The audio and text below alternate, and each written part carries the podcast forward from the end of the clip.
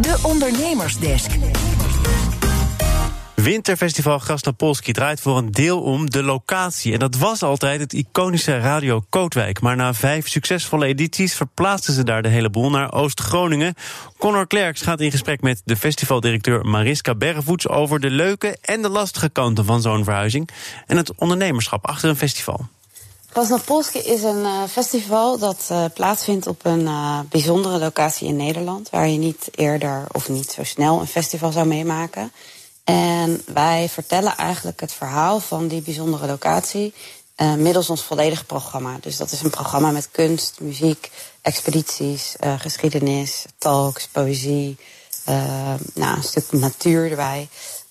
en middels al die onderdelen van ons programma vertellen we eigenlijk het verhaal van van een bijzondere locatie uh, in Nederland. Dit is jullie tweede locatie. Eerst Radio Kootwijk, nu in Oost-Groningen. Hoe is zo'n overgang? Ja, dat is best intensief. Het is ook heel spannend. uh, we zijn natuurlijk op Radio Kootwijk echt heel erg gegroeid naar wie we zijn nu.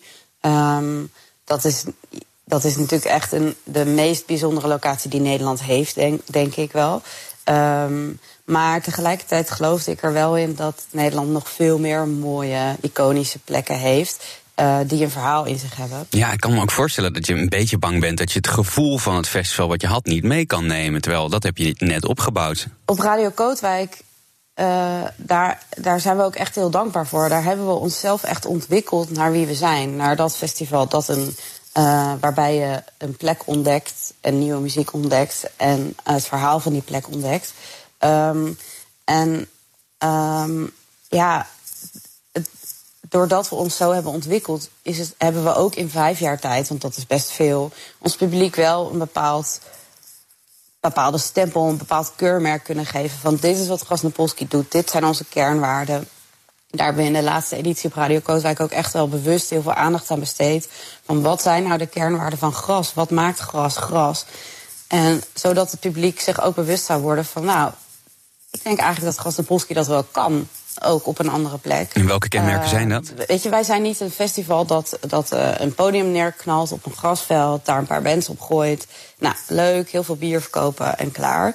Uh, maar wij, wij, wij doen veel meer dan dat. We, we, we proberen veel verbindingen te leggen met, met het verhaal van die plek. En, en proberen daar in samenwerkingen te zoeken waarmee die ons kunnen helpen met het vertellen van dat verhaal. Dus op Radio Kootwijk deden we dat met Staatsbosbeheer samen. En um, organiseerden we steeds meer samen met de boswachters. En mensen konden de oude bunker in die daar nog bij zat. En die was nog nooit toegankelijk geweest voor publiek. Uh, ze konden met de boswachter op pad zwijnen spotten. Maar daarbij ging de boswachter dan wel uitleggen waarom je dus niet van de paden af mag. En waarom wij niet tot elf uur, na elf uur s'avonds daar herrie mochten maken. Um, en dus op een leuke, speelse manier leerden we ons publiek wat, maar maakten we ze ook bewust van waar we waren, namelijk in een natuurgebied. Ja, en, en buiten, buiten zeg maar het publiek wat je mee moet nemen, denk ik dat je ook behoorlijk afhankelijk bent van lokale ondernemers. Je hebt dan in uh, die vorige locatie een netwerk opgebouwd en dat moet je dan allemaal opnieuw doen. Hoe pak je dat aan? Ja, dat, is, uh, dat was is heel leuk om terug te kijken nu. Nu, we zijn natuurlijk een jaar verder, of bijna al meer dan een jaar verder. Um, ja, je begint bij, uh, nou ja, we komen bij die locatie. Uh, dat blijkt Fabriek de Toekomst te zijn. Het is in Oost-Groningen, in het Oldambt. En die bleek inderdaad leeg en opgeknapt te zijn en klaar voor zoiets als Grasnopolski. Ja, dan is je eerste, um, eerste link is dat je bij de gemeente gaat aankloppen. De gemeente Oldambt in dit geval. Um, en bij de provincie en bij lokale fondsen. Um, maar ook uh, eens gaat kennismaken met de buren van de fabriek bijvoorbeeld. Want dat zijn de mensen die daar wonen, die die fabriek al jarenlang in hun achtertuin hebben en die alle verhalen kennen. Um, dus wij hebben bijvoorbeeld een burenborrel georganiseerd om hen eens mee te nemen in, oh, er komt hier een festival, wat, wat behelst dat en wat betekent dat voor ons? En verder zijn we gewoon heel veel zelf gaan zoeken, speuren, de geschiedenis induiken, het verhaal proberen te leren kennen. Um, ja, gewoon lokale uh, mensen benaderen. En zo bijvoorbeeld ook zochten we naar een huifkar en belde ik een boer en die had wel een huifkar en die wilde die wel aanbieden, want hij was zo blij dat we wat in zijn gebied kwamen doen.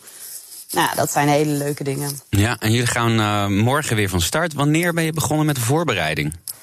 Ja, Uh, eigenlijk gebeurt dit wel een jaar lang. Met vrienden van mij, of ja, bekenden, die zijn altijd heel verbaasd dat ik een jaar lang bezig ben met het organiseren van een festival van drie dagen. Maar het is toch echt zo. Uh, natuurlijk niet met het hele team.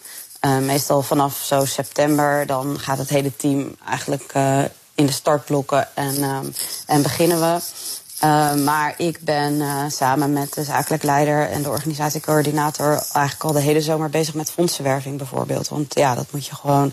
Eigenlijk moet je direct na, na, na deze editie moet je weer starten met de fondsenwerving voor de volgende. Conor Klerks in gesprek met Mariska Bergvoets, de festivaldirecteur van Gasnapolski. Wil je meer horen uit de ondernemersdesk, dan vind je alle afleveringen terug als podcast via onze site of